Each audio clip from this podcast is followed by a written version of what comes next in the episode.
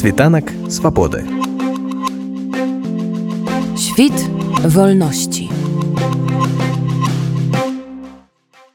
Можна сказаць, што зразумела крызіс так хутка не скончыцца і падзеі гэтага тыдня то таму дадатковае сцяджэнне. Ну прынамсі я і скончыў той свой артыкул словамі аб тым, што пакуль ва ўладзе такія аўтарытарныя персанажы як лукашенко і Пуін чакаць канчатковага развязання крызісу не выпадае. Я мэта накіравана казаў пра тое ось упамянуў э, двух лідараў так? Тому что зараз мігранты поступаюць у Беларусь прыязджаюць менавіта праз так званы расійскі маршрут что пісалі розныя журналісты. Мы бачым что мінулы тыдзень у гэтым сэнсе стаў таким даволі значным выключэннем так бы мовіць. Тому что два з трох трендаў якія я вызначаў артыкуле то бок зніжэнне ціску на беларуска-польскую мяжу захаванне такого мінімальнага плато на беларуска-літоўскай мяжы яны захаваліся. Сапраўды як мы бачым па лічбах там ну фактычна мінімальная колькасць э, спроб нелегальнага перасячэння. Таму что напрыклад ну найменшая гэта по літве. Яны як былі там с конца скажем ліпеня меней за 100 чалавек так і засталіся. Прынамсі на мінулым тыдні было ўсяго 13 на польскай мяжы было невялікае подвышэнне але сапраўды невялікая А вось тое што мы бачым на беларуска-латвійскай мяжы там канешне натуральны выбух адбыўся А з чым вы гэта звязваеце у вас ёсць тлумачэнне Ну тлумачэнні тут у мяне могуць быць толькі на ўзроўні гіпотэз таму што я гляжу вось выключна на лічбы так? І на тое што ёсць у адкрытых крыніцах таму што інсайдаў ніякіх на жаль мяне няма І мне падаецца, што сапраўды беларускія ўлады крыху спужаліся таго ультыматума, які быў высунуты 28 жніўня. І яны разглядаюць у якасці такіх асноўных сваіх візаві так бы мовіць хутчэй польшу і літву. Я подазраю что адносна літвы тут таксама яшчэ калі адносна польши там хутчэй за ўсё такія каляваенныя подставы могуць быць так? Тому что у польльше і вучэнні праводзяцца яна вельмі моцна павялічыла прысутнасць сваіх вайсковых на мяжы. Ну там складана нешта рабіць. То напрыклад адносна літвы я подазраю выключна гіпатэтычна что па-першае літоўцаў не хочуць вельмі моцна турбаваць тому что баяцца что яшчэ больш літва будзе прыкрываць каналы кантрабанды так яна і так намагаецца змагацца прынамсі з тытунёвай кантрабанды але відаць что выглядае на тое что не ўсе каналы перекрытыя і не хочуць іх напружваць каб не перакрылі ўсе. Мачыма што застаюцца яшчэ нейкія спадзевы на тое, каб дагаварыцца з літвой.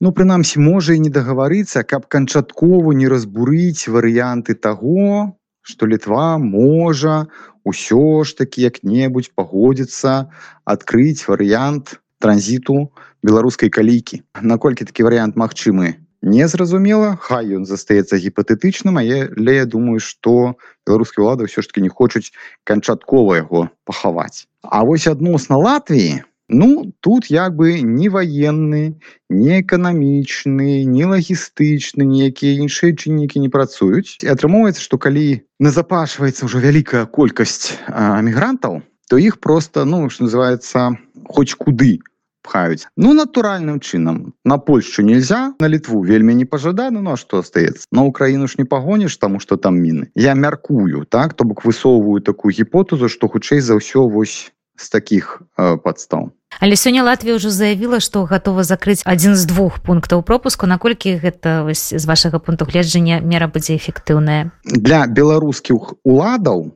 гэта не вельмі моцная штука тому что ну яны ж не ездзяць так? Ездзяць просто людзі. Калі б э, была такая пагроза что э, зачыняцца нейкія транзітныя каналы гэта было падчувальна а тое что людзям будзе э, хужэй ну дык уладам гэта як мы ведаем не цікава для іх гэта не працуе. Ваш прогноз як будзе далей як можа далей разгортвацца сітуацыя з мігрантамі? Ці будуць яны далей заставацца такой гібриднай зброяй тэарэтычна крызіс можа развярнуцца ў любы бок у любы час. Таму што хутчэй за ўсё колькасць мігрантаў якія паступаюць у Беларусь хутчэй за ўсё беларускім уладам зараз рэгуляваць вельмі складана. І вялікае пытанне ці магчыма што яны могуць зараз гэта кіраваць напрамкамі гэта мы вельмі добра бачым. Ну гэта просто відавочна калі напрыклад перад самітам нато у вільні скажем там 7-10 дзён перад тым і некалькі дзён пасля таго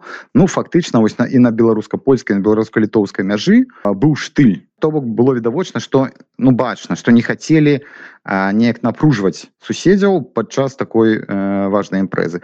Пасля там зноў нешта пайшло такое круціцца. Таму кіруюць напрамкамі гэта відавочна. А вось наколькі беларускія ўлады могуць кіраваць колькасцю вялікае пытанне.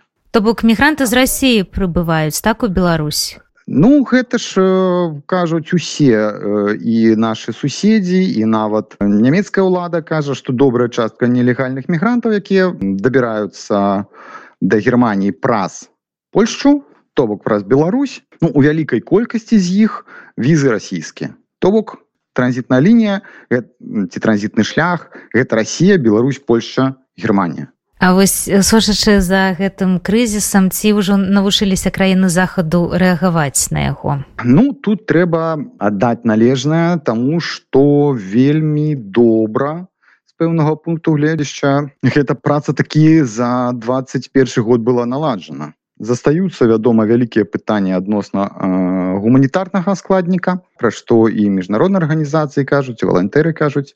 Але тых мэтаў якія арганізатары вось гэтага крызіса ставілі гэты крызіс не дасягнуў. Таму што ёсць падставы лічыць што мэтамі было узрушыць краіны еўразвязу і э, парушыць так так бы мовіць спакой унутры асобных краін і увесці напружанне паміж краінамі так? Тымі хто прымае вось гэты шквал а так і астатнія паміж імі каб паразуменне парушыць. Але здарылася хутчэй наадварот. Еўразвяз краіны еўразвязу сталі называется побач плячо да пляча і разам пачалі вырашаць гэтыя праблемы. Не сваркі пачаліся што можна было б бачыць як мэту гэтага крызіса а наадварот умацаванне пэўна адбылося і лагістычная юрыдычная эканамічная гэтак далей.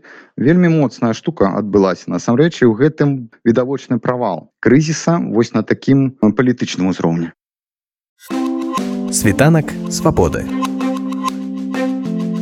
Świt wolności.